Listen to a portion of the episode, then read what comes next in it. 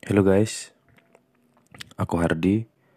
Jadi kali ini aku bahas tentang hmm, bisnis minuman ya.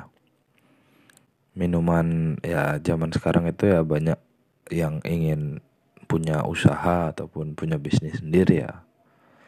Contohnya tuh minuman uh, yang akan kita bahas itu uh, apa ya namanya kita cocoknya kasih ya dia dari bahannya mangga uh, apa enggak? Mangga mangga kental gitu ya kan. Jadi tuh pertama tuh ya mangga yang besar ya. Mangga itu kita blender tanpa pakai air ya.